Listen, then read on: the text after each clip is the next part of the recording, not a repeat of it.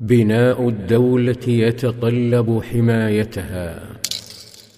انشغل النبي صلى الله عليه وسلم ببناء دولته وشعبه عقيدة وعلما وعبادة وتثقيفهم صحيا وتربويا واجتماعيا وعاطفيا. وانشغل الطواغيت بالعمل على قتل مشروع التوحيد الحضاري. الذي يهفو إلى العالم كل العالم. فالطواغيت يصرون على إعادة البشر للسجود للحجر. حتى قال أحد الصحابة لما قدم رسول الله وأصحابه المدينة وآوتهم الأنصار رمتهم العرب عن قوس واحدة. وكانوا لا يبيتون إلا بالسلاح ولا يصبحون إلا فيه. لذا شكل صلى الله عليه وسلم بعض السرايا لرصد أي تحرك وثني حماية لدولته. شكل أول سرية إلى منطقة العشيرة قرب ينبع قادها بنفسه ثم سرية الأبواء.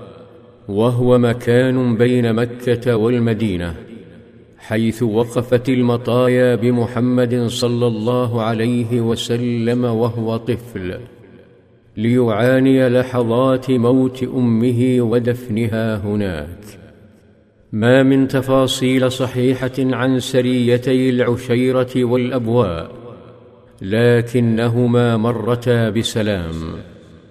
أما السرية الثالثة فكانت موجهة إلى مكان مجهول وأفرادها من المهاجرين فقط لكنها أحدثت زلزالا صدع هيبه قريش.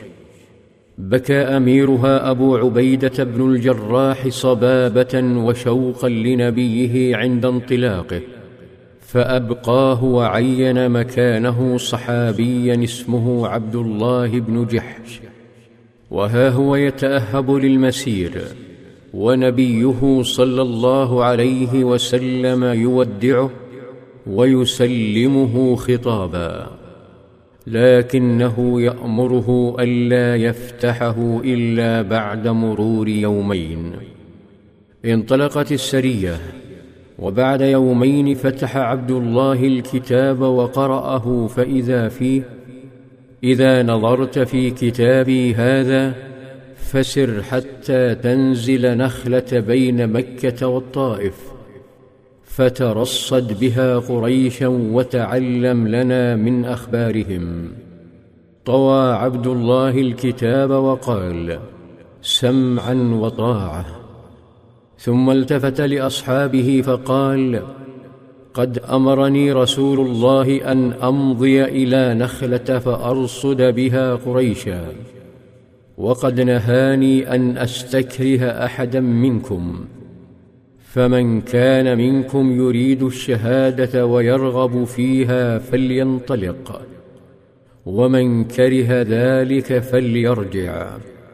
فأما أنا فماض لأمر رسول الله. لم يرجع أحد لكن في مكان يقال له بحران تلفت سعد بن أبي وقاص ورديفه عتبة بن غزوان فلم يجدا راحلتهما. فانطلقا يبحثان عنها ومضى الباقون حتى وصلوا نخلة.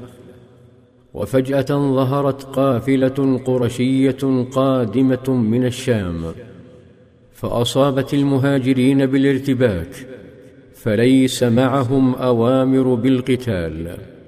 لكن واقد بن عبد الله التميمي تحمس فقام بعمل تحدث عنه العرب ووظفته قريش واليهود أسوأ توظيف. فما الذي فعله المهاجر التميمي بالقافلة؟